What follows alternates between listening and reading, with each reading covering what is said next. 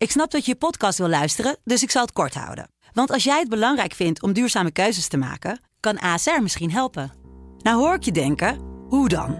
Nou, bijvoorbeeld bij het duurzaam herstellen van schade. Of de premies die we beleggen volgens ons duurzaam beleggingsbeleid. Dat bepaalt waar we wel en juist niet in investeren.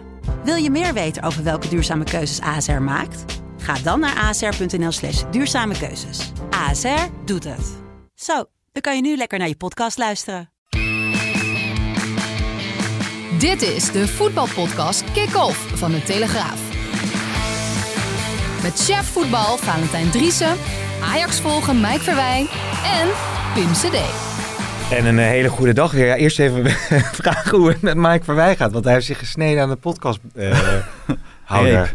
Hè? Aan een reep. Podcastreep. Ja, de, de, de, de microfoon zit aan zo'n stang en hij is met zijn vinger klem gekomen. Zwaar gewond, maar ik ga, gewond. maar ik ga gewoon door. Oké, pikkels dat we hier eh, zijn. Een hele goede dag. Welkom weer bij deze podcast. Het voetbal gaat gewoon door, ondanks de coronacrisis en de lockdown light waarin we zitten. Ja, nou is alles ongeveer eh, afgelast, maar dat voetbal betaald voetbal gaat door, eh, Valentijn. Ja, dus wij houden voorlopig van ons werk. Dat is Ik- toch ook wel lekker. Maar in maart eh, sprak je nog de woorden dat, en jullie allebei eigenlijk, dat ze echt eh, moesten stoppen. Dat het niet Ja. hervat moest worden, de ja, competitie. maar wa- was ook vanwege het beeld hè, wat er toen op dat moment eh, in Nederland, door Nederland ging. We kregen iedere avond cijfers met verschrikkelijk veel overledenen. Mhm. Ziekenhuizen die helemaal vol lagen. Ja, ma- massabesmettingen bijna. Terwijl er toen eigenlijk nauwelijks werd getest. Maar op het moment dat je dan eh, ja, positief was, dan belandde je bijna op 100% zeker in het ziekenhuis. Dus eh er werd, werd in ieder geval gedacht. En de betaalde voetbal heeft natuurlijk zelf eh, toen de stekker eruit getrokken uiteindelijk. En ik moet eerlijk zeggen, ik vond dat toen ook een terechte Ja. dat Ja. dat is gebeurd. Later gebeuren natuurlijk nog allerlei andere dingen. En dan zie je ook in andere landen om ons heen dat ze toch de competitie hebben uitgespeeld met st- stringente protocollen. En dat had misschien achteraf in Nederland had het misschien ook wel gekund. Ja. Ja, ja, maar toen de tijd eh, was de sfeer in het land misschien dusdanig dat... Ja, en er was ook een groot probleem met de burgemeesters. Hè. De burgemeester van Eindhoven voorop, die Ja. wilde ook niet dat er gevoetbald werd. dat klopt. Ja, en wat Valentijn zegt, op dit moment hebben ze toch meer kennis over dat virus. Gaan mi- minder mensen dood. De KNVB heeft inmiddels eh, volgens mij uitstekende protocollen om wel te kunnen laten voetballen. Hoewel sommige clubs zich daar eh, misschien iets beter aan moeten houden. Want er gaan toch Ja. nog steeds wedstrijden uit. Dat is denk ik niet nodig. Maar het is, eh, het is goed dat er doorgevoetbald Ja. wordt op dit moment. Ja, we gaan zo meteen natuurlijk uitgebreid de vooruitblikken op eh nou ja, Feyenoord, Sparta, Ajax, Heerenveen, PEC, eh, PSV. Dat zijn de wedstrijden. Maar er valt ook heel veel omheen te vertellen. Ook Nederlands elftal gaan we nog even over spreken. Dus er komt genoeg aan bod. Maar eerst toch nog even over dat corona. Want ja, als ik nu prof handballer ben of hockeyer of zwem... Nou, zwemmer is dan misschien wel anders, maar noem het maar. Alles ligt eruit. Behalve het voetbal. Dat is eigenlijk ook wel weer een beetje gek, toch? Of niet? Ja, dan hebben ze een keer een goede, goede lobby gehad bij de KNVB. Nou, ik, ik denk dat ik, dat heel erg meespeelt. Dat, eh, dat de KNVB gewoon het testen heel goed voor elkaar heeft. Ik begreep dat er eh, sommige scheidsrechters ook gewoon bij profclubs zich nu kunnen laten testen. En dat het echt heel goed geregeld is. Dat Edwin Goedhart, de bondar, bondsarts, daar, eh, daar heel druk mee bezig is geweest. En ik denk als alle andere bonden dat uiteindelijk ook zo goed voor elkaar hebben. Dat misschien alle top, topsportcompetities wel door kunnen gaan. Nou ja, en het vrouwenvoetbal ook, hè? ja, maar dat heeft daar natuurlijk niets er mee te maken. even sprake van eh rechtsongelijkheid. Ja, het gelijkheidsbeginsel. dat was het gelijkheidsbeginsel. De Eh, ja. mannen wel, de vrouwen niet. Ja, Ja. maar dat, dat is ook niet slim van de KNVB geweest. Want Nee. de, de vrouwentak hangt eh, onder het amateurvoetbal. Oh ja. De directeur amateurvoetbal, eh, Jan Dirk van der Zee, is verantwoordelijk voor het vrouwenvoetbal. Dus dat de minister in eerste instantie dacht van eh, het amateurvoetbal eruit, dus ook de vrouwen eruit. Ja, daar kan ik me wel iets bij voorstellen. Maar het is goed dat ze daarop terug is gekomen. ja. Ja, dat betekent dus dat er fout bij de minister eh, lag. Gewoon. Die is, die is daar te snel in geweest. Aan de andere kant van eh, het betaald voetbal, wat Mike zegt, eh, mag doorgaan. Het Mhm. profvoetbal vanwege de coronaprotocollen. Die zijn, eh, ja, die, die zijn ja, eigenlijk heel streng. En die zijn er gewoon niet bij het vrouwenvoetbal. Ja. Die, die coronaprotocollen. Dus op het moment dat je aan die coronaprotocollen eh, kan voldoen, dan kan je ook met het vrouwenvoetbal eh, Ja. door. Want eh, vooralsnog, het vrouwenvoetbal staat op punt om door te gaan over drie weken. Want je krijgt eerst nu een interlandperiode. Maar dan zal dat wel geregeld moeten zijn. Mhm. Want als dat niet geregeld is, dan heeft het geen enkele zin om het vrouwenvoetbal wel door te Nee, laten gaan. nee. Alleen, daar zit wel een prijskaartje aan. En wie gaat dat betalen? Ja, ja, ja, precies, precies. Oh, je wordt gebeld volgens mij de hele tijd. Is er geen groot nieuws? Je Nee. broer van de ING. Ja. Ja, heb jij, ja, dat is, hè, die moet er altijd in, die grap. De broer van, eh, van mij bij ING, Steven heet hij trouwens. Je zal vast ook weer luisteren naar deze podcast. Overigens, publiek natuurlijk voorlopig eh, niet eh, welkom in de stadions. Wel typisch, komt net een bericht binnen, eh, vers op eh, de Telegraaf, dat eh, volgens minister Grappenhaus dan volgen er zware overtredingen en zelfs direct een boete. Hè, als je dus zichtbaar met twee katten bier over straat gaat om negen uur 's avonds. Zit nu even te verplaatsen in die voetbalfans. Die kunnen dan ook al niet naar het stadion. denk ik, haal nog even lekker snel twee katten bier om thuis te kijken. moet je vijf voor negen gaan. Ja, ongelooflijk hè. Precies op tijd. Het is toch, toch, Ja. het is toch voor achter, of niet? Ja, staat hier. eh, Nou ja, dus om negen uur ben je dan in overtreding. Dus acht uur zou, tot acht uur mag geloof ik dan hè. Maar dat is natuurlijk een hard gelach. Gaan er nog clubs, eh, denk je nu wel omvallen? Of is alles geregeld eh, qua compensatie? Nou, qua compensatie. Er is natuurlijk geen compensatie vanuit Nee, de dat overheid. moet vanuit club bedrijfsbreed dan. Maar wel, eh, clubs kunnen compensatie aanvragen. Ja. Eh, ik hoorde dat er twee clubs waren. Nou, dat werd nu weer eh, ontkend. Dat er eh, twee clubs eh, hebben aangebeld eh, Mhm. bij het loket in eh, Den Haag. Dus vooralsnog kan iedereen dan blijkbaar wel zijn zijn broek ophouden. Ja, Ja, ik, ja. had van, ik had van de week een artikel over Wilco van Schaik, directeur van NEC. En die had het inderdaad ook over dat noodloket. Maar dat schijnt wel echt een mijl op zeven te zijn. Het schijnt echt heel moeilijk Oh ja? te zijn om daar een beroep op te kunnen doen. Omdat er wordt eerst verwacht dat je bij sponsors aanklopt, bij zeg maar alle andere mo- mogelijkheden uitprobeert. En als dat niet lukt, dan is de overheid misschien bereid om, om bij te springen. Hm. Hij zei, ja, daar heb ik niet zo heel veel vertrouwen in. Nee, Nee, maar dat, ik vind het wel terecht dat de overheid dat zo, eh, zo strak aanpakt. Want anders krijg je bijvoorbeeld het idee van eh, je kan daar zo eh, naartoe. Hè. Ze mogen al gebruik maken van die NOW-regeling. Zeg maar een soort loonsubsidie is dat. Maar het moet natuurlijk niet zo zijn dat iedere club daar maar naar dat loket kan lopen. En niet kijkt in de eigen organisatie waar je eventueel Ja. geld op kan halen. En dat, dat geldt natuurlijk ook voor andere beroepsgroepen of eh, bedrijven. Dus eh, dat, dat begrijp ik wel. En, en als Wilco Verschijk dit zegt, dan geloof ik hem ook wel. Alleen aan de andere kant, als het water jou zo na aan de lippen staat dat jij omdreigt te vallen, dan ga je daar toch heen. Dus wa- waarschijnlijk staat het water hem niet zodanig aan de lippen dat hij omvalt met NEC om daarheen te gaan.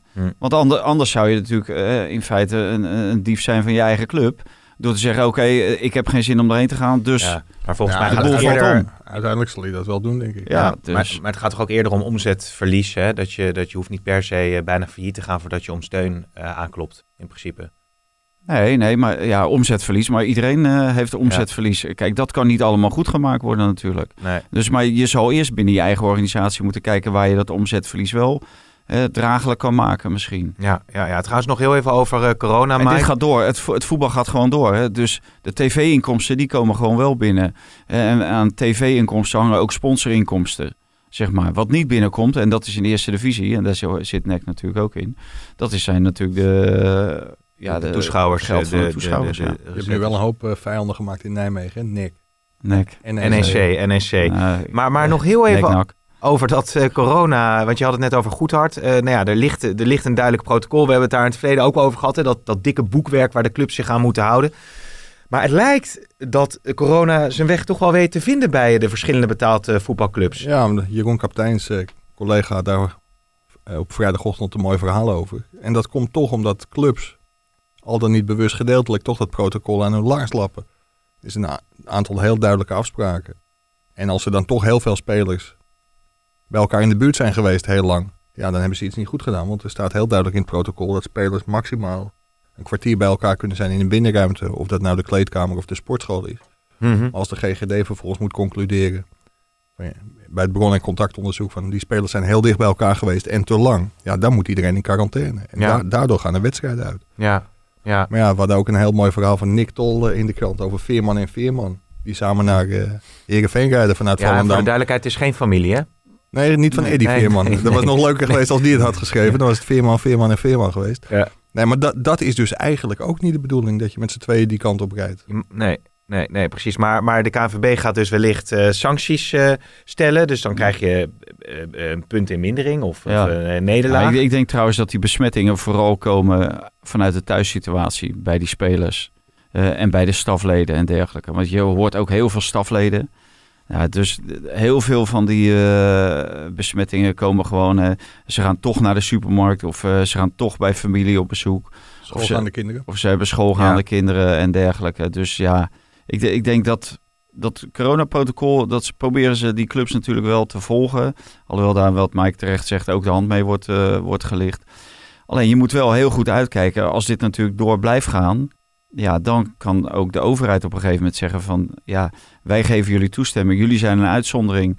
En het voorbeeld is dat er iedere week zoveel coronagevallen uit Ja. het betaald voetbal komen. Daar kunnen wij gewoon niet mee doorgaan. Nee, het is een beetje wat je bij... moet eh, je- daarvoor moet je wel Ja, uitkijken. is een beetje wat je bij de Giro ziet dan, hè? Dat, eh, dat, dat een, een, een evenement of, of een competitie Ja. zoveel besmettingen krijgt, dan kun je het met geen goed fatsoen bijna ook meer eh, vervolgen. Nee, net zeker niet. Nou, nou, die andere sporten die je Ja, net noemt, ook zeg dat. maar. En de KVB is nog niet zo streng als de Italiaanse bond. Eh, die hebben inmiddels Napoli een Ja. eh, punt, eh, punt in mindering gegeven. En een 3-0 nederlaag, omdat ze niet kwamen opdagen bij Juventus. Ja, Maar ja, dat is misschien uiteindelijk wel waar de KVB ook naartoe gaat. Tenminste, daar wordt in ieder geval mee gedreigd dat het aan de Ja. terugcommissie wordt voorgelegd. ja, maar volgens nog gaat alles in het, eh, dit weekend eh, eh, in de eredivisie in ieder geval nog door. Ja. Eh, en in de eerste divisie spelen dan wel de problemen, hè? onder andere bij, eh, bij NAC. Ja, en de Graafschap Helmond Sport. Graaf-. De Ja. graafschap, ja, Helmond. Maar bij Groningen zijn er een aantal gevallen. De- Bij Willem II zijn er een aantal gevallen. Bij PEC Zwolle zijn er een aantal Ja. gevallen. Dus daar wordt nu allemaal weer opnieuw getest. En dan moet je maar kijken wie daar allemaal weer eh, eh, uitkomen. Wie negatief uitkomen of positief Ja. uitkomen. Wordt vervolgd. We gaan naar eh, de stellingen. Nederland kan beter 5-3-2 spelen dan eh, 4-3-3. Oneens. Oneens. En dan nog vrij naar een vraag van eh, Jozef op Twitter. Dick Advocaat is blij met de blessure van Bozeniek. Eens. Oneens. Robben gaat een geweldige rentree maken bij Groningen, bij Utrecht tegen Utrecht uit. Oneens. Eens. Het wordt nu tijd, deze eh, grap hè, komt die, dat het eh, Big Dick systeem van Roger Smit gaat pieken. Hè? ja, ja. Eh, oneens. Oh, oneens. en Ajax had wel een goede spits kunnen gebruiken. Oneens. Eens. Laten we daar nou eens mee verder gaan met Ajax. Want dat is toch wel heel opmerkelijk. Ehm, Ten Hag heeft een paar keer aangegeven, maar daar kan jij veel meer over zeggen, Mike, dat hij tevreden was met, met de selectie als het ging ook om typisch bepaalde versterkingen op bepaalde posities. En toen zei hij bij Ajax TV daar dit over. Ja, wat eigenlijk niet gelukt is, hè, dat was, eh, en daar hadden we wel op ingezet, dat was eh, een num- nummer 9. En eh, daar waren we ook heel kritisch, want dan moest hij absoluut eh topspeler zijn. En dat is eh, helaas eh, niet mogelijk gebleken, hè. Eh, niet haalbaar. Eh, waarbij wij ook heel kritisch hebben gekeken, omdat wij ook zelf heel veel goede spitsen in huis hebben. Ja, ze zochten dus wel degelijk naar een nummer 9, heeft hij gezegd. Hoe zit het nou precies? Was hij nou wel of niet nodig? Ja, ik weet niet hoe lang de podcast duurt, maar als we beginnen in de voorbereiding. Zelfde collega kapteins die dat stuk eh, over de protocollen schreef, die was met Ajax mee op trainingskamp in Oostenrijk. En toen werd er nog gezegd dat Ajax alleen een linksback zocht. Nou ja, die is dus nooit gekomen. En Die is ook nooit weggegaan. nee, dat Jammer. was natuurlijk een beetje vooruitlopend op een eventueel vertrek van, van Tagliafico. Maar voor de rest was er niks nodig. En dat is meerdere keren gevraagd. Op een gegeven moment heb ik zelf een stuk geschreven over dat Ajax aan het pokeren was met miljoenen. Omdat er een heel druk seizoen aankwam met Champions League. En of deze selectie nou wel breed genoeg was, daar werd hij mee geconfronteerd. Ja, de selectie was breed genoeg. Uitstekende groep, niks meer aan doen. Balans zat erin. En vervolgens eh, ja, komt er toch eh, in, in de persoon van Davy Klaassen een extra middenvelder. Dest ging weg. Moet er dan een extra verdediger komen? Nee, niet per se. Nou, vervolgens kwam Kleiber. En nu krijgen we te horen dat er ook een spits werd gezocht. Ja. En ik snap wel dat Fanta 1 zegt dat Ajax een hele goede spits had kunnen gebruiken. Want dan moet het ook top, top, top niveau zijn. Maar in feite is het natuurlijk belachelijk als je er zelf voor kiest om Labiat in de spits te zetten. Tadic heeft zich bewezen in de spits. Die komt ook veel beter tot zijn recht in de spits dan als linksbuiten. Mhm. Daarnaast heb je Huntelaar, Traoré. En in de jeugd loopt een heel groot talent, Brobby. Ja, als je nu ook nog een spits had gehaald. Het is de enige speler die het nog niet heeft bijgetekend, Brobby. Wat is dan zijn perspectief? Mhm. Dus dit is gewoon heel gek dat je een zesde spits zou gaan halen. Het roept inderdaad, deze podcast kan wel een paar uur gaan duren, want het roept weer heel veel vragen bij me op. Allereerst even, zou je eh, ter verdediging van Ten Hag kunnen zeggen van ja, waarom zou je tegen journalisten moeten zeggen dat je een speler nodig hebt op een bepaalde positie? Misschien dat hij dat niet aangeeft om ook daarmee te willen Ja, uitstralen, dat hij vertrouwen heeft in de spelers die hij heeft. Maar je kijkt, eh, je kijkt waarschijnlijk op Twitter, want het was inderdaad een vraag die voorbij kwam. Van, moet hij jou dan alles vertellen? Nou, dat was puur eigen ingeving. Oh, nou, knap bedacht. maar eh, nee, dat, dat hoeft hij zeker niet. Maar het wordt wel heel vervelend als er heel weinig contactmomenten bij Ajax zijn. En er gewoon op meerdere momenten en echt ook aantoonbaar wordt gelogen inmiddels. Ik denk, ja, dat is een trainer van Ajax wel een beetje onwaardig. Ja, oké. Nou, dan gaan we even pellen hem even, hè, want ik denk dat het wel goed is. Want maar het is hij, ook- hij- zijn laatste woorden van, Ja. we hebben goede spitsen. Maar als je goede spitsen hebt, dan hoef je ook geen andere spits te zoeken. Nee. Normaal gesproken. Maar vervolgens staat er een middenvelder staat in de spits. Eh, Labiat, aanvallende middenvelder van de origine. Geen, Mhm. geen spits.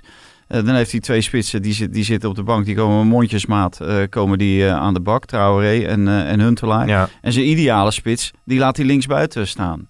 Ja, er is, er is wat dat betreft geen touw om vast te knopen. En, maar ik heb het vorige keer al geroepen over de, de koppigheid en dergelijke. En dat, dat, dat lijkt hem nu ook parten te spelen. Want uiteindelijk, en ik denk dat tegen Herenveen gaat gebeuren... dat eh, gewoon eh Tadic eh, terugkeert in de spits. Want tegen Liverpool zal toch echt Tadic moeten spelen. Ja, daar hebben wij dus een, een, eh, een, weddenschapje over. Hè? Want ik heb ook wel eens Ja, een flesje de wijn. eh, No- nog niet. Nee, nee, Oh, nee. Dit, dit zou geen flesje wijn worden. Nee, ik zei dat Tadic niet in de spits ging spelen tegen... eh, ik, ik, ik, Te- ik, ben een soort, ik ben een soort joh, want ik weet niet of je... Maar ik, ik, ik denk dus dat de koppigheid van Ten Hag wint en dat uh, niet eh, in de spits gaat spelen. En jij denkt dan van Ja, wel. maar je, je, je moet de luisteraars ook wel even uitleggen wat er gebeurde. Je daagde mij uit Ja. van, hey, kunnen we een weddenschap en dan niet om een fles wijn, maar een fles whisky. ja, ik die weet, win ik dan, zeg maar. nee, ik, ik weet niet wat ze, wat ze bij video verdienen, maar bij de sport, we, we kunnen ook gewoon een flesje, flesje wijn Ah, doen. is ook goed, is ook goed, is ook goed. Ja, Maar een flesje whisky is prima, want deze ga ik toch winnen. ja die ga je... Nee, maar ja, want, want... Nee, ik dacht jij wijn en ik whisky. Nee, dat, laten we Ah. dan whisky whisky doen. Maar, ja? Nee, maar deze... Weet niet of ik die... Nou ja, goed. nou ja, kort. we- weet, weet je wat het vervelende is? Ik, ik had een polletje op Twitter Ja. en 90%, Ja. en dat zijn toch voornamelijk Ajax-fans die me volgen. En er reageren echt wel 2000 man of zo, zag ik. Ja, 90% vindt dat Tadic gewoon in de spits hoort. Jij zegt dat hij niet in de spits staat. En het vervelende is dat ik ook denk dat Ten Hag Oh. zo, zo gigantisch eigenwijs is... om dan toch zijn gelijk te willen bewijzen... dat jij die fles whisky zomaar kunt winnen. Maar het zou echt absurd zijn. Echt absurd als Tadic niet in de spits staat tegen Heerenveen. Ja, dus voor de duidelijkheid. Ik, als ik gelijk krijg en Tadic staat niet in de spits, krijg ik een wijntje of een whisky. Nee, een whisky. En, en als hij wel in de spits staat, Krijg ik hem. oké. Maar de- tegen Liverpool of Heerenveen? Nee, Nee, tegen- Heerenveen. nee, tegen- tegen- Maar je zou kunnen veronderstellen dat hij dan tegen Heerenveen alvast voorsorteert Ja. op de wedstrijd tegen Ja. Liverpool. Ja. Ja, ja maar, maar zijn woorden zijn letterlijk geweest... Tadic kan dat niet in de Eredivisie. Daar komt een vraag over van eh, Rinap. Die zei, heeft Tadic wellicht zelf aangegeven dat hij niet in de spits wil spelen? Nou ja, ik weet niet of ze inmiddels, dat moeten we maar een keer aan Tadic vragen, of hij weer een aantal uur met, eh met Ten Hag in een hotel heeft gezeten. Maar ik denk wel dat het de hoogste tijd wordt dat Tadic eh, de trainer een keer apart roept en uitgebreid met hem gaat praten. Dat heeft hij destijds... Maar in- wil hij, wil hij niet in de spits of maakt het hem niks? Hij wil wel in de Ja, spits natu- gewoon. Natuurlijk wel. In, in dat jaar dat hij in de spits stond, werd hij, eh, werd hij mede topscorer met Luc de Jong van Ja. de Eredivisie. Dus Ja. ik heb nog geen speler gezien die, die heeft gezegd van laat mij maar geen, eh, geen Nee. topscorer worden. Nee, en om, om dan het hele punt... Sorry, mag... mag ja, wat, nou, ik, jij mag ik, eerst ik wil het even komt. afmaken, want Ja. in München heeft hij echt in het Hilton Hotel, terwijl andere spelers de, de 1-1 tegen Bayern München aan het vieren waren, heeft hij met Ten Hag gesproken. En, Mhm. en die ging met 180 kilometer een doodlopende straat in. En daar heeft Tadic hem hoogstpersoonlijk uitgehaald. En als je nu ziet, we hebben op zaterdag ook een analyse in de krant. En Erik ten Hag heeft gewoon, en dat beseft bijna niemand, maar van de laatste 21 wedstrijden 9 keer verloren. En dat is voor, voor een Ajax-trainer wel een heel bijzonder, eh, bijzonder gemiddelde. Ja, ik denk dat het tijd is dat, eh dat Tadic weer eens met zijn trainer gaat praten. En de trainer gewoon de juiste mensen op de juiste plek laat zetten. Want anders zit hij op een doodspoor, denk jij.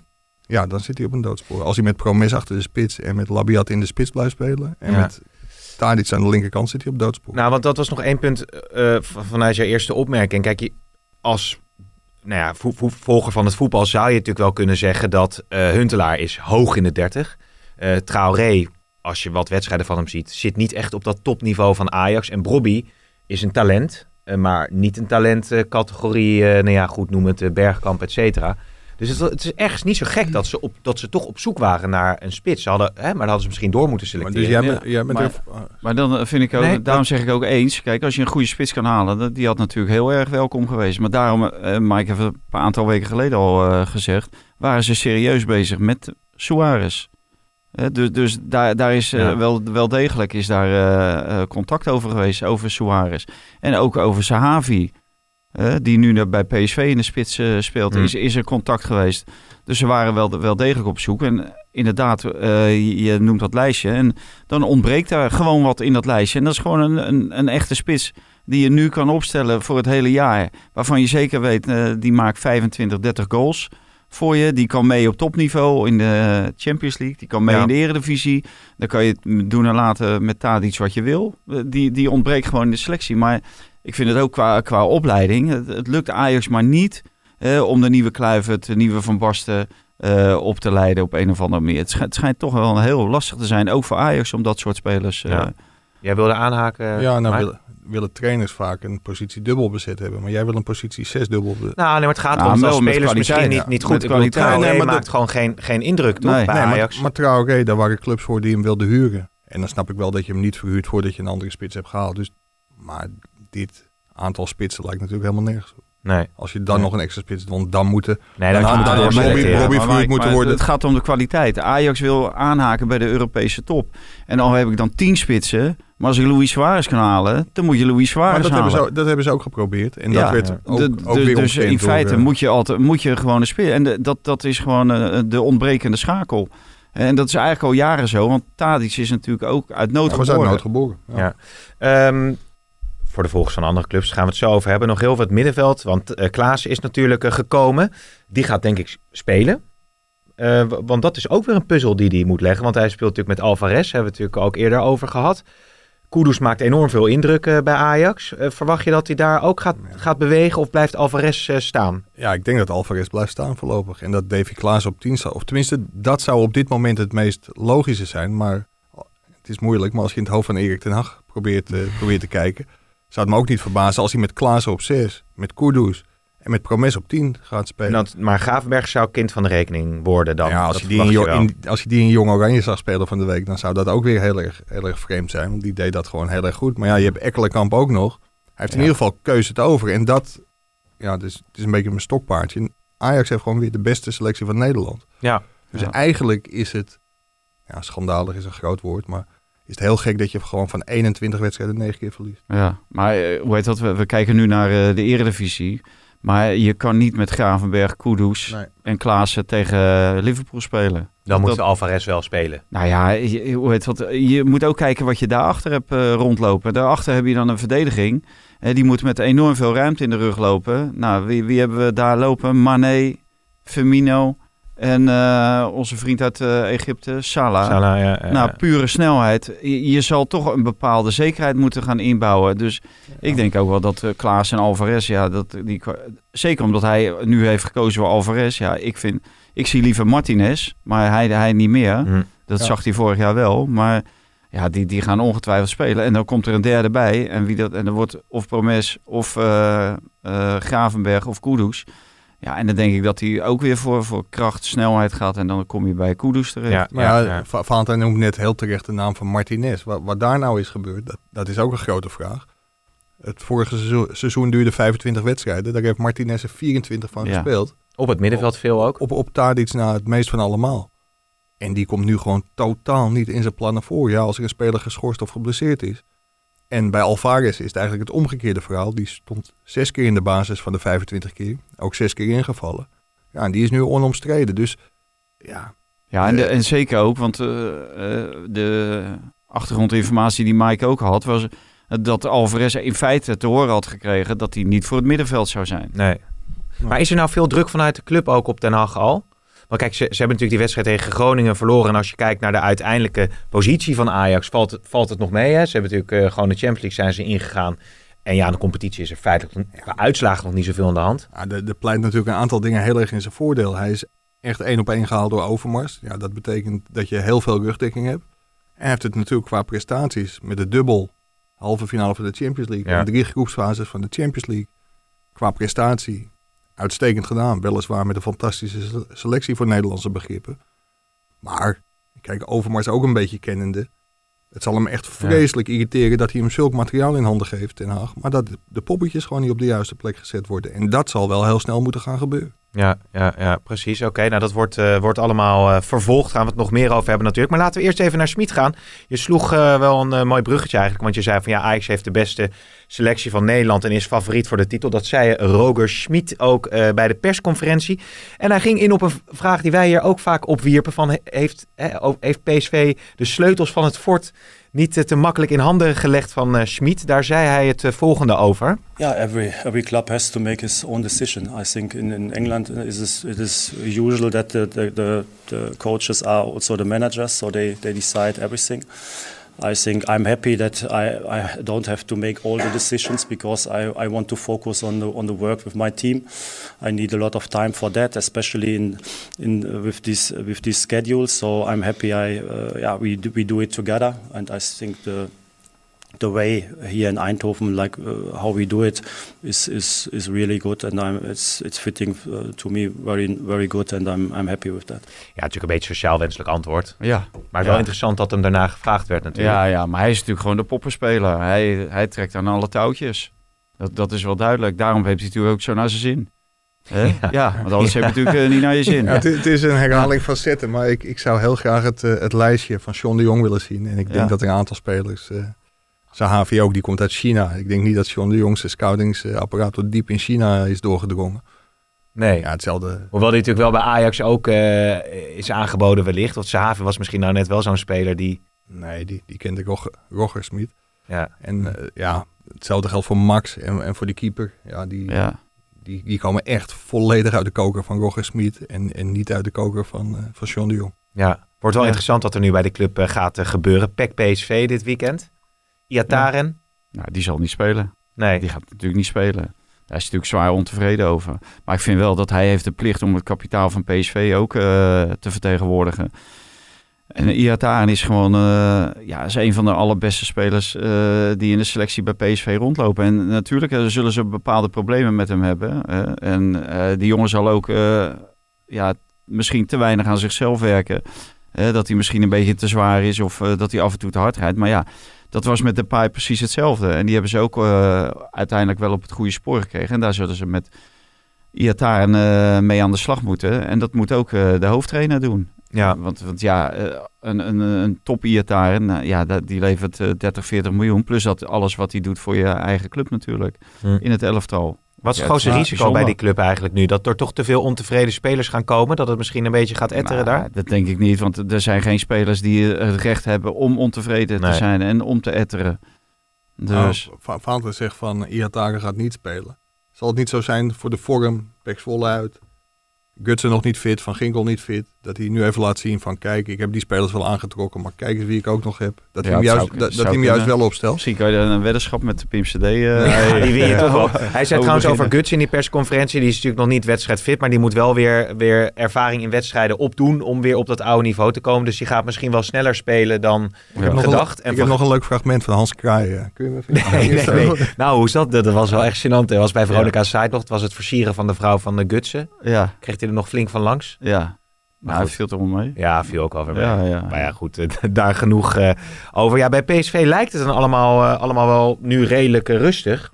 Ja, maar ja, ze zullen er ook moeten gaan presteren. Ja. Het is verschrikkelijk ingekocht, maar voorlopig kan je over een aantal spelers niet of nauwelijks beschikken. Dus, en ze willen een heel nieuw systeem. En in feite zijn het allemaal last minute aankopen. Dus hij denkt nog wel even een beetje tijd nodig voor zijn eh, Big Dick systeem. Ja. Ja. Wil je er nog wat aan toevoegen? Of Nee, eh, gaan, we het ik- over, ik gaan we het over Feyenoord, eh, Feyenoord hebben? We nou, hey, die- Big Dick. Ja, Ja, boze, boze Ja. Nick. Dick, Dick advocaat. ja. Want dat vond dus ook wel aardig bij de persco bij, eh, bij Feyenoord. Dat ging het nog eventjes over eh, ja, de behoefte die advocaat toch al had aan een spits. En daar zei hij het volgende over. Jullie moeten ook een beetje voelen dat het ook een beetje een spel is voor mij met, met het bestuur en met Frank. Eh, ik probeer. Ik bedoel, eh, Nico is voor, is voor zondag ook nog een vraagteken. Ja. Dus je probeert toch iemand erbij te krijgen, een jonge jongen met mogelijkheden. Maar ik wist voor mezelf ook wel dat het niet mogelijk was, omdat de financiën er niet, niet bij Feyenoord is op dit moment. Dus, maar daar heb ik ook geen probleem mee. Maar is dit, is dit goed genoeg wat je hebt? Ja, ze- zeker goed genoeg. eh. ik, ik vind dat we een goede selectie hebben, ja. Ja, dat was Armin Asfaroglu nog. eh, het, ik had het er even bij gehaald, want op dat laatste stukje. Want hij vindt dat P- Feyenoord lang moet kunnen mee blijven strijden om de titel. Ja, nou, dat, dat moet ook eh, kunnen. Maar je ziet ook dat de woorden van de advocaat ook niks waard zijn. Dus, blijkbaar. Wat hij allemaal heeft geroepen in de, in de Het is gewoon een voorbereiding. spelletje. Gewoon Ja. allemaal spelletjes. En hij, wist, En, hij wist dat het niet kon, zegt hij. Ja. Nou, Dus, eh, en, en nu, nu zegt hij, ja, deze ploeg of deze selectie is sterk genoeg. Terwijl hij eh, wel vier of vijf keer heeft gezegd dat die selectie niet sterk en niet breed genoeg is. Nee, wat is het dan Om toch met die doen. coaches? Dat is dan ook liegen misschien dan een beetje. ja. Ja. doet hij anders nooit om spelers vragen, Dick. Dat Nee. heeft- bij alles Ja. bij Utrecht lopen er ook nog eh, zeven, geloof ik, die hij... eh, ja, dat is Dick's handelsmerk. Die wil gewoon heel graag eh, altijd nieuwe spelers hebben. Ja, het is natuurlijk zijn goed recht om het te proberen. Maar ik vind wel, als het echt zo is wat hij zegt, dat hij wist dat er niemand bij zou komen. Ja, dan had hij dit toneelstukje beter kunnen laten. Ja. Want hij had volgens mij ook. Ja, maar daar zei hij ook later van in de pers. Ja, dat is dan een speler of een naam die ik dan even drop. Ja, Hè, dat gaat dan weer zijn eigen leven leiden. ja, ja. de- dus ja. Dan moet je die naam niet droppen. Nee, het, het is allemaal van dat kinderspel, man. Doe, doe even eh, normaal, doe, doe gewoon serieus eh, hierover. En eh, geef gewoon aan wat je wel nodig hebt en niet nodig. En als het, de polstok niet lang genoeg is, zeg dan gewoon van wij kunnen niks doen. Oké, Nee. en, eh, en dan eh, geforceerd in de media, via de media, het strijdje aangaan met Frank Arnezen, met de, de raad van commissarissen, met de directie. Denk je, waar, ga- waar gaat dit over? Wat Ja. is Ja. voor een kleuterklas, man? Maar kijk, dat, dat is ook, nog even terugkomend op Ajax. Daar had ik het van de week ook met, met een aantal mensen over. Wat is er nou mis mee om te zeggen van... Oké, we zijn Ajax, we zijn, zitten in een kleine, kleine competitie. Ook door de coronacrisis moeten wij nu op de centen letten. We gaan proberen een spits te halen. Maar het is niet gezegd dat het lukt. En als het niet lukt, dan ga ik het met hartstikke veel tevredenheid met Ja. deze selectie doen. Punt. Ja. Dan ben je Ja. toch klaar? Ja, dat, dat is natuurlijk het enige waarom advocaat zegt nu van... eh, ja, ik ben tevreden met mijn selectie. Ja. Want anders denken al die gasten, oh, dus hij vindt ons eigenlijk niks. Dat heeft hij natuurlijk al over al die jeugdspelers gezegd. Want die konden niet bij de selectie en die kwamen niet bij, eh, bij de wedstrijdselectie dan. Hè? Want eh, ja, die voegde toch niks eh, aan, aan toe en daar kon hij niks mee. En Mhm. die zouden toch nooit invallen. En dat stond allemaal op niveautje junior. Dus dan denk je ook van, ja, wa- waarom, waarom zeg je dat soort dingen? Je kan ook gewoon je mond houden. Maar blijkbaar nu ziet hij natuurlijk ineens van... hé, hey, ik moet het met deze spelers doen. Dus nu zijn ze ineens allemaal wel goed genoeg. ja. en de- je, je zal zien, er komen nu natuurlijk ook spelers dadelijk... eh, die komen wel bij het eerste helft. Nou ja, Sinistera is, is, is ook weer eh, richting fit aan het gaan. Ja. Die kan dan ook in de aanval natuurlijk op meerdere posities eventueel uit de voeten. Nou, Jurgensen Ja, die speelt dan lang- Achterin heeft hij meer ruimte nu Als je ook. er zo lang uit bent geweest, Pim, dan, dan sta je er normaal Nee. gesproken niet onmiddellijk. Ik Ah, weet van niet hoe- Ginkel wel hoor, misschien een Guts. Ja, het zou zo Hey. moeten. Maar, maar, maar, maar, oh, nog even over Ten Hag. Dat is natuurlijk het lot van Ten Hag. Wat was nou de meerwaarde? Ja, het valt te prijzen dat hij een keer wel gewoon vertelt hoe het zit. Dan zegt hij voor de camera van Fox, we zijn met de nummer 9 bezig Ja. geweest. Ja. Nu, nu hoeft hij het niet meer te vertellen. Nee. Ja, En, en nu geef je ik alle zit, vijf, ik vijf spitsen die je hebt, geef je nog even schop voor je ik scheet. zit te denken aan communicatieadviesbureau uh, Verwij en Driessen. Nou, Voor elke coach. Dat ze dan bij jullie langs Ja. kunnen komen en dan kunnen ze advies Ja. krijgen over hoe ze de Nou, media ik, erop ik, ik moeten word, daar word ik nooit voor gebeld hoor, advies. Nee, echt Nee. niet? Ben je wel eens gebeld in je, Nee. in je lange carrière door Nee, dat ze zeiden, hoe, had je, hoe zou je dat nou... Want eigenlijk, maar dat is Nee. niet eens zo gek gedacht, toch? nee. Nee, ja, ik weet niet hoe dat bij video zit, maar wij mogen niet bijklussen. Eh, ik, ik, nee, ja, krijg ik ook niet echt. Nou ja, goed, de Vaanten zit bij Veronica Ja. site natuurlijk. Dat is Nee, wel maar com- dus. communicatie... eh, Communicatieadviesbureau uh, nee, eh, da- Driessen, dat, gaat, eh, dat gaat niet, eh, absoluut niet niet. gebeuren. Want over communiceren gesproken, als we eventjes eh, Frank de Boeren erbij pakken. Wat een slecht bruggetje dit, zeg. ja, nou ja, ik zat te denken. Hij, hij- ik zat even aan de communicatie voor Italië in Nederland te denken. En daarna, daarna kwam hij eigenlijk vrij monter over. Ja. En leek het allemaal wel weer wat goed te gaan. Maar daarvoor was het wel echt een grote neerslachtige boel natuurlijk na Bosnië-Herzegovina Nederland. Ja, het negativisme nam toe, heel erg Ja. snel. Maar dat werd wel weer, dat fragment hebben we niet. Maar Frenkie de Jong zei ook, ja, dat is dan weer de pers die, die ons het aanpraat. De sfeer Ja. is altijd goed geweest. Ja, want, de want het deed ze niks. En, eh, Nee. nee. Maar ja, waarom begin je erover dan? Oh, en eh, hoe heet het? Van Dijk eigenlijk ook wel, hè? Ja. Allebei hadden ze er iets over te zeggen, ja. Maar nu, nu konden ze natuurlijk eh, een andere kant op draaien. Omdat eh, de uitslag was natuurlijk goed. En ik weet ook wel dat het zo werkt. Maar natuurlijk speelt dat een rol in zo'n groep. Want die krijgen, dat, eh, die krijgen dat misschien niet direct mee. Die zien het misschien niet. Maar die krijgen het wel van hun omgeving allemaal te horen. Van jezus, wat, we hebben hier gehoord wat ze bij Veronica en site over je riepen, eh, Virgil. Het lijkt toch nergens op.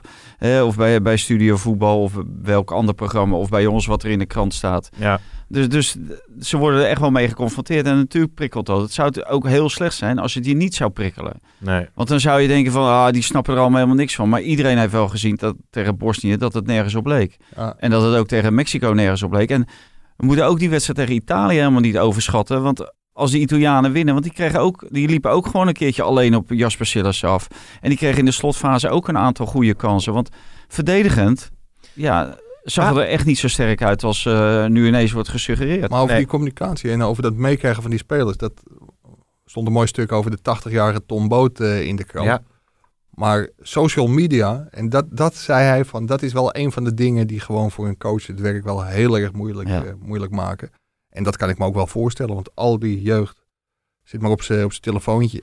Ja, je ziet natuurlijk alles voorbij komen en er komt een zootje drek over ze heen, een zootje negativisme. En dan hebben wij het als journalist Niet van ons, nog hè? Nee, nee, nee, nee, nee, van, van alle Hij was anoniem, gewoon- ja, ja, ja, ja. anonieme zolderkamerrukkertjes die, eh, die, die, die, dat zijn. Ja, en, nee, maar als, als Rafael van der Vaart iets zegt of zo, Dat snijdt natuurlijk echt wel hout. Ja. Eh, de- en die durft ook de vinger op de zere plek te leggen. Eh, en eh, dat durft hij in de rust en durft hij na afloop. Dus, dus dat snijdt echt wel hout. Dus dat komt echt wel aan. En het, het is niet zomaar iemand. Het is wel iemand die jarenlang in de top heeft gespeeld. Finale WK gespeeld. Dus ja, dan kan je zeggen van, eh, daar heb ik maling aan. Maar dat hebben ze natuurlijk niet. Maar dat 5-3-2 systeem, eh, bij Vlagen functioneerde dat heel goed. Hè? De laatste periode van eh, de eerste helft. Het leek wel alsof bijvoorbeeld een Frenkie de Jong daar uitstekend eh, in eh, kon gedijen. Met, hij zei ook hè, dat als hij drie verdedigers centraal achter zich heeft, dat hij dan wat meer vrijheid voelt om vrijheid eh, te voetballen. Zou dat dan toch niet een systeem zijn waar je vaker naartoe moet? Of in ieder geval die topwedstrijden naartoe moet? Nou, je, je kan wel besluiten als, als bondscoach door te zeggen van... eh, ik, ik zie iedere wedstrijd afzonderlijk en ik bouw niet naar iets toe, naar, naar een vaste elftal en een vaste formatie. Want 5-3-2 kan je bijna niet spelen tegen Bosnië. Want, eh, want die, die komen gewoon niet, die blijven gewoon staan. Nou, dan sta jij daar. Dus, dus dan heb je gewoon veel te weinig mensen Mhm. heb je dan, eh, in je aanval. Du- Dus, dus dat is bijna niet mogelijk. En Koeman heeft het ook gedaan, kort... Totdat Frenkie de Jong zich aanbood. En toen is hij naar 4-3-3 gegaan. En dat, dat liep natuurlijk als een tierenlier. En toen is er een elftal opgebouwd. En waarvan eigenlijk iedereen wist eh, wie daar stonden, wat ze moesten doen. Dus, en, en dat ging lopen. En dat ging goed tegen goede tegenstanders. Hè, en dat ging goed tegen mindere tegenstanders. Ja. Alleen zij hadden nu met Frank de Boer hadden zij een valse start. En die heeft toen teruggegrepen, maar ook direct na afloop in de persconferentie aangegeven dat 4-3-3 in principe eh, het uitgangspunt blijft voor het Nederlands elftal. En dat hoort ook bij het Nederlands elftal. En dan roepen er allerlei eh, types die roepen dan van eh, ja, maar als je daar geen wedstrijden mee wint, maar daar win je ook wedstrijden mee. Maar maakt het eigenlijk uit welk systeem? Ja, ik snap wel Ja, dat je niet het Catenaccio moet uit. spelen. Nee, maar goed, als 5-3-2, eh, la- laten we eerlijk zijn, het was, bij, was heel aantrekkelijk zelfs. Ja, Maar- Zeker maar- met, die drie, als- met die drie middenvelders, omdat ze de ruimte kregen. maar je hebt het WK in 2014 ook gezien. En Ja. daar speelden ze ook 5-3-2. Dat is enorm geromantiseerd. Want ongeveer in elke wedstrijd moest Louis van Gaal er in de rust op terugkomen. Ja, maar Spanje Eh. was wel gewoon, die was toch wel met 5-3-2, die 5-1. Want toen hebben ze wel dat, vanuit dat systeem die overwinning behaald. Ja, en daar hadden ze ook bij rust gewoon 3-0 achter kunnen staan. hè. Ja. Dus dat is romantiseren wat je nu doet, dat bedoelde ik. En dat is natuurlijk Australië. Daar moesten ze teruggrijpen Ja. op 4-3-3. Ja. Eh, Chili, meen ik. Chili, ja. 2-0, ja. dacht ik. Ja, die ene, nee, Chili niet. eh, Costa Rica. Costa Costa Rica, Chi- ja. Chili waren al geplaatst, dus dat was een eh, feestwedstrijd eigenlijk. Ja. Dus eh, nee, maar eh, kijk, soms kan je er best op terugvallen. Nou, nu heeft het eh, heel goed uitgepakt. Gelukkig voor het Nederlands elftal en, en ook voor, voor alles en iedereen. Want er was inderdaad een heel negatief sentiment kwam er. Mhm. En dat, ja, dat werd vooral op de, de boer gericht natuurlijk. En dat had wel weer met communicatie te maken Ja. van de boer. Want ja, de manier waarop hij communiceert, ja, dan denk je af en toe van... Ja, dit kan wel iets, iets, iets beter en iets luchtiger, iets Ja, jij zei ook, er moet En, eh, eigenlijk een vrolijk iemand bij in nou de ja, selectie. kijk, als, hoe heet dat, als, je, als jij een eh, elftal hebt, hebt gespeeld en de leiding, het zijn allemaal eh ja, dode dienders. Mhm. Ja, wat, dan, dan denk je ook van, nou, oh, daar gaan we weer. Dus je moet een vrolijke Frans erbij nou, er hebben. moet wel iemand En wie bij is dat zitten. Nou, hoe heet het? Bert van Marwijk had bijvoorbeeld eh Dick Voorn, Cookie Voorn. Ja, dat is iemand die, eh, eh, als je langs de, de branding loopt, dat je de, de zee in kan, eh, kan pleuren. Fijn- Feyenoord Corpot. Hè? Ja. Nee, je, moet- je moet... Je moet Maar wie zou dat dan moeten zijn bij Oranje? Wie is dan, wie is dan zo'n zo'n eh, Wesley Sneijder dan bijvoorbeeld? nee, nou, hoe heet Of is dat niet iemand die, die iemand in de Ja, zee... wie- Ja, maar wie je, heel je veel moet wordt ook genoemd. autoriteit hebben. Wie heel veel wordt genoemd is natuurlijk, dat werkt onder dik advocaat heel goed. Dat was Ruud Gullit. Ja, alle- alleen ja, die, die, eh, zie ik het niet doen in, in deze situatie. dus de eh, assistent doet hij natuurlijk nooit. Maar nee. dat, zou wel een type zijn Ja, die gewoon het ijs type. kan breken. En dat, Ja. is, eh, dat is wel heel belangrijk. Wat, wat ik wel heel knap vond van Frank de Boer, is dat hij wel volledig zijn eigen weg is eh, blijven gaan. Want hij heeft natuurlijk wel een heel groot risico genomen met 5-3-2 te spelen. Hij Ja. heeft er maar één, ja, anderhalf keer op kunnen trainen. Ja, als dit fout was gegaan, dan had hij bijna na drie wedstrijden al, ja, ik wil Ja. niet zeggen zijn spullen kunnen pakken, maar dan had hij wel een heel slechte start gehad. Ja, ja. En dat hij toch puur zich niet liet leiden door alle druk die erop werd gezet van hey, Steven Berghuis moet spelen. En dat hij toch hiervoor koos en dat het dan zo goed uitpakte. Ja, dat gun je hem dan ook wel. Ja, goed dat hij daar zijn eigen koers heeft eh, ge- genomen. Eh, nog twee elementen uit die wedstrijd. Want uh, Hatenboer, wa- d- dat, ja, want wat was Dumfries, was daar iets mee? Dat hij niet kon Nee. spelen tegen Italië? Nee, nee, hij koos voor Hatenboer, is omdat hij in, in dat In systeem... Bergamo ook en in dat ook, systeem. ja. Maar, maar dat was, ja, die had bijna de nederlaag in zijn eentje ingeleid. Ja, maar dit was een lood om uit ijzer, Dumfries of Vind je dat? Hatenboer. Ja? Nou ja, in, in feite, eh Hatenboer, eh, ja, kan eigenlijk niet voetballen en Dumfries ook niet. ja, dat is, dat is een Dit is dan die kritiek die ze krijgen, hè, die Nee, spelers. Ja, ze maar dat dus is zeggen natuurlijk wel een dat is beetje... Kijk, als hij dan aan de, de podcast is aan de er, andere kant... eh wordt het toevallig al met Kieft over, maar... Als je aan de andere kant Daley Blind ziet en Frenkie de Jong, hoeveel daar vandaan komt en eh, hoeveel eh gochme die twee hebben en de spelintelligentie. En dan zie je aan die andere kant, ja, dat is, dat is er gewoon. maar zal, Frank de Boer, even een heel andere, geen bruggetje, maar Oh. zal, zal Frank de Boer niet heel, met heel veel belangstelling naar Londen kijken? Wat Kenny Tete daar bij dat Fulham gaat doen? Ja, Ja? Dat, is, ook- dat is ook een, verde- eh, ook een pure verdediger eigenlijk. En dan moet je, moet je, die- die- moet je die gaan heeft- kiezen van... eh, kies je dan voor verdedigend of voor eh, aanvallend? Ik denk dat, ja, dat het nog steeds de pest is dat Dest, hè? bijvoorbeeld niet heeft gekozen voor het Nederlands elftal. Of Mazraoui niet heeft gekozen voor het Nederlands elftal. Ja, Dus, ja, ja, maar ik zou dat denken, is Dumfries niet wel iets verder dan, of iets beter dan Hatenboer? wat Hatenboer levert, kan Dumfries ook. Hè? Alleen heeft Hatenboer misschien af en toe een iets betere voorzet. Maar dat Ja, hebben maar we ook eh, eigenlijk glippertjes, niet die gezien. kunnen toch niet? En die- maar verdedigend is Dumfries natuurlijk veel beter. Dus Ja, dan kan je Ja. beter voor Dumfries, want dan heb je zekerheid, heb je veel meer ja zekerheid. maar ja, het eh. was natuurlijk heel sneu voor Frank de Boer geweest. Als hij Hatenboer het vertrouwen had gegeven, schuld aan de eerste goal, vind ik. Eigenlijk bijna de tweede voor. Bijna de tweede ja. veroorzaak. Dan was het, want Marciano Fink gaf de cijfers en die was best wel redelijk tevreden met Oranje. Maar Hatenboer die ging met een eh 4,5 geloof ik. 4,5 naar huis. En, en, en Berghuis eh, tot slot, eh, die, die, eh, ja, die speelde dan uiteindelijk niet vanwege dit systeem. Maar ja. ja, die zal hij bij Feyenoord ongetwijfeld wel gaan uitblinken de komende tijd. Tenminste, Nou zal ja, dat- zijn. Ja, dat kan, maar het kan natuurlijk ook eh, andersom werken. Dat hij eh, dichtslaat, hè? dat hij zo gefrustreerd is, dat hij misschien weer eh, gekke dingen gaat doen. Dat zou eh, natuurlijk net zo goed Hmm. kunnen, want ik kan me wel voorstellen dat hij echt met de pest in zijn lijf rondloopt nu, ja. Ja. En Maar- dat moet je dan om, eh, om zien te zetten in, eh, in prestaties. Dat is zo.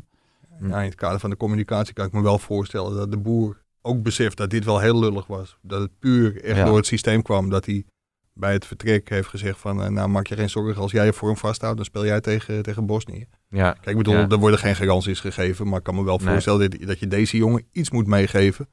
Om hem niet helemaal gedesillusioneerd naar huis te laten gaan. Ja, ja, ja. Zullen we nog even de vraag het Valentijn eh, erin eh, jassen? Vraag het Valentijn. Hey, Valentijn, even een vraag. ja, die heb je natuurlijk zelf eh, opgeworpen. Eh, Arjen Robben, ja, volgens jou had hij beter, kunnen, had hij, had beter kunnen stoppen. Ja, En, en ik zie nu allerlei beelden van de laatste trainingen voor Utrecht uit. Die, die schiet ballen van afstand eh, in de kruising. Gaat Arjen Robben een flitsende indruk maken tegen Ja, Utrecht? ik, ik eh, krijg ook net dat eh, bericht. En eh, het be- het bericht is van hoopt op een invalbeurt. Dus, ja, ja, ik, ik hè? denk het een beetje. Ja, die, die we, we zijn er, eh, we zijn er nog niet helemaal. En eh, ja, ik, ik hoop voor Arjen Rob ook dat hij, eh, dat hij kan invallen. Dat hij eh, fit eh, is en fit raakt. Alleen, hoe lang gaat dat duren? En ik denk ook dat, omdat hij gewoon in een veel slechter elftal speelt... dan waar hij natuurlijk bij Bayern München in rondliep... dat er veel meer van hem eh, wordt verwacht... En veel meer dan hij eigenlijk kan brengen. mhm. Ook Mhm. vanwege zijn fysiek. Mag ik die glazen bol er eens bij pakken? Ja hoor. Weet je wat wel voor de fysiek van Arjen Robben heel erg tekenend zou zijn? Nou, Dat hij nu fit is. En dat hij eh, bij het testen een van de vijf coronagevalletjes van, eh, van FC Groningen blijkt. ja. ja, dat zou wel heel zuur zijn, toch? Dat zou dramatisch... Nee, maar iedereen Ja, gunt maar Arjen ze wilden het niet zeggen hè, bij Groningen. niet het gebied Om wie het zijn. wa- maar hij heeft volle bak meegetraind. Ja, dus hij, hij, zal het niet geweest. Nee, nee. Maar het, ja, iedereen gunt Arjen Robben een geweldig afscheid. Dus laten we hopen dat hij Ja. fit wordt, fit blijft. En dat Valentijn ge- gelijk eh, krijgt in dit Nee, opzicht. ja, ja. Ik, hoop, ik hoop ik ook. Alleen ja, hoopt dat je niet, eh, nee, ik- dat het tegendeel bewezen bang Ja, maar wordt. dat, eh, dat is ook wel een mooie. Het gaat niet om gelijk krijgen. Je moet gewoon, het zijn momentopnames. Je moet signaleren wat er op dat moment aan de hand is.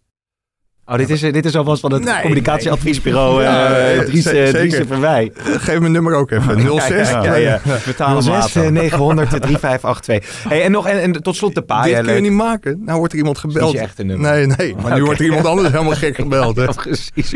En eh, de paai nog even, hè? Tot slot, en dan klap ik mijn laptop vast dicht. Het, volgens de Spaanse kranten is het beklonken. Wat? Gaat hij in de winter eh, naar eh, Barcelona? We hebben het toch al lang geschreven? Eh, ja. Was dat al zeker? Ja, persoonlijk Ja, ja, het was De Ja, winter, nu- de winter. Def, def, ja. definitief in de winter. ja en zo- wij, wij wisten het al eh, Ja, voor de zomer. Nee, maar ze- dat ze er persoonlijk uit waren, Ja. dat was duidelijk. Maar het de schijnt nu zo te en de zijn clubs dat, dat- waren er ook uit. Het was nog even Alles de vraag of het in de winter definitief zou mogen, toch? Oh ja. Tenminste, ik lees nu net een bericht dat, dat de transfer Nee, in de winter het- door kan gaan. Het, het Ja. nieuws was dat ze er persoonlijk uit zijn met Depay. Maar Ja. dat, dat is echt... Dat hebben jullie al... Dat, Dat is en, de clubs. en de clubs waren er ook uit. dat is altijd... Dus- dat heb ik ook met die politieke podcast. En dan hebben- zeg ik eh, tegen Wouter de Winter... Ja, zullen zijn het, niet- wij zullen we zijn het hier en niet- hier over hebben? En zegt zeg Wouter, ja, dat is mijn eigen primeur. Ja. Dus dat geldt eigenlijk ja, ook voor jullie ja, een beetje. Ja, ja, ja. Maar wij Kan zijn, het- jij ik nou kan- eigenlijk ik kan al die nou primeurs de- allemaal, ik kan al die- die primeurs allemaal niet wij, zijn bijhouden, toch niet, wij zijn toch niet zo eigenwijs? Hey, die die Ook lockdown light, is dat nou vanwege eh, de ongehoorzaamheid van het volk? Ja. Of is dat nou eh, vanwege een slecht eh, management Nou, het van is wel een regering? mooie, mooie bruggetje naar de politieke podcast. Gaat het allemaal luisteren allemaal? Wouter de Winter die vindt toch meer dat het aan de, ja, het volk zelf ligt en niet aan het kabinet. Wat vind jij? Nou, ik vind dat wel heel makkelijk. Ja? Te zeggen dat het volk, ja, om even de, de druk bij het volk te leggen. Dus jij bent ook lekker nog even voor tien uur s'avonds... eh, volk, volk is ook in die kroeg? In, eh, op het plein? Op het plein. Ja, ik heb er wel een mooi verhaal over gehoord. hè. 9, 8. ik heb er wel een mooi verhaal over gehoord Ja, vertel, trouwens. vertel, vertel. Dat is dat eh, de kroegeigenaren daar in die hele omgeving, die, eh, die zagen natuurlijk die lockdown aankomen. Dat werd natuurlijk al gecommuniceerd. En die hebben opgeroepen aan de vaste klanten om te komen om een feestje te vieren. Om in ieder geval allerlaatste inventaris kwijt te raken. Ja, bier, laatste bier, laatste... laatste ja. bier, laatste bitterballen, van alles en nog wat. Dan zijn ze daar vanaf, want anders gaat het allemaal, eh, hè, dan verrot eh, de hele boel. Dus, eh, en het zou natuurlijk gelijk, was er gelijk een boost voor de omzet voor die laatste Ja. dag. Alleen ja, er stond een of andere goochem met, die stond te filmen. Ja, en dan Ja, kwam stond te filmen. Het was een, heel- een, heel een, slecht een, verlichte, een verlichte tent midden op het plein. Natuurlijk Ja. wordt dat gefilmd. Ja, ja. Maar dat is en eigenlijk- terecht. Ik, ik, dat- ik dat is toch niet goed het praten. gelijk van, eh, van Wouter. Dat Ja. je zegt van... dat er een Als jij, gedeelte, daar, als jij maar- gaat zeggen, we gaan nog even lekker alles er doorheen jassen. Ja. komt alle en we, we gooien de Hollandse hits aan en we gaan nog even bier Maar waar, ik een probleem heb, is dat alles en iedereen over één kam wordt geschoren. Hè. Het hele volk wordt over één kam geschoren. Terwijl inderdaad, wat, eh, hoe noemde jij dat net, net- net Mike? Nou, zeg maar een aantal Twitter-gekkies en dergelijke. Ja. Die staan... eh, Zolderkamergukkertjes. ja, ja, ja. Die, die, komen ineens Ja. naar buiten. Hè. Ja. Die zijn, komen van die zolderkamertjes af. En die lappen die coronamaatregelen aan hun laars. Maar daar moet niet het hele volk op aangesproken Ja, maar die staan worden. natuurlijk niet En allemaal in die tent. En dat deed meneer Rutte natuurlijk wel heel Ja. snel in het begin. Maar hij komt daar nu natuurlijk langzamerhand van terug. Want hij ziet dat dat ook voor veel onrust zorgt. Ja. En mensen die van hele goede wil zijn. En wij zitten hier ook allemaal op ruim anderhalve meter. We zitten hier met z'n vieren en er komt hier niemand voor de rest binnen. Want het Nee. ding is eh, afgesloten. Dus ja. Zouden er al mensen zijn afgehaakt, eh, denk je nu het niet meer over voetbal tuurlijk gaat? ik, ik denk aan het begin van de podcast, die was een beetje, een beetje saai. Je moet het de volgende keer even anders opbouwen. Ja. Maar ga maar snel naar de Waar had, ik mee Amerikaanse... moet, waar had ik mee moeten beginnen dan? Ajax natuurlijk. Ja, daar krijgen we dan ook weer kritiek over. Ja. Jongens, ik ga afronden. Ik ga Jan Posma interviewen Ja, over die, die schijnt, Amerika. eh, schijnt al een tijd Die te is staan zeker wachten. van de die, tijd. Die wordt heel al te erg laat, dus, Jan en Bernard die hadden van de week over de Senaat. Ja, de Amerikaanse podcast. even, ja, misschien kan je hem daar nog even... ik, eh, wie, wie rondt hem af? Wie, wie, wie doet het eindsignaal bij deze?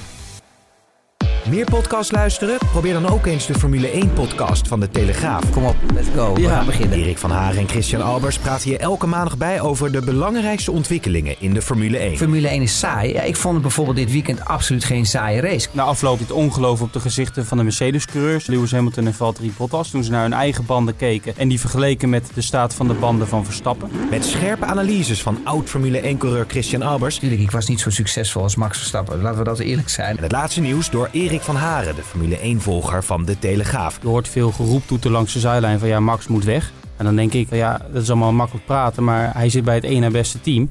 En bij het beste team is geen stoeltje beschikbaar. Luister dus op de site en in de app van de Telegraaf. Of via je eigen favoriete podcastplayer. En als ik veilig terugkom uit Rusland en anders misschien helemaal nooit Als je meer. maar, terugkomt. eh, ja,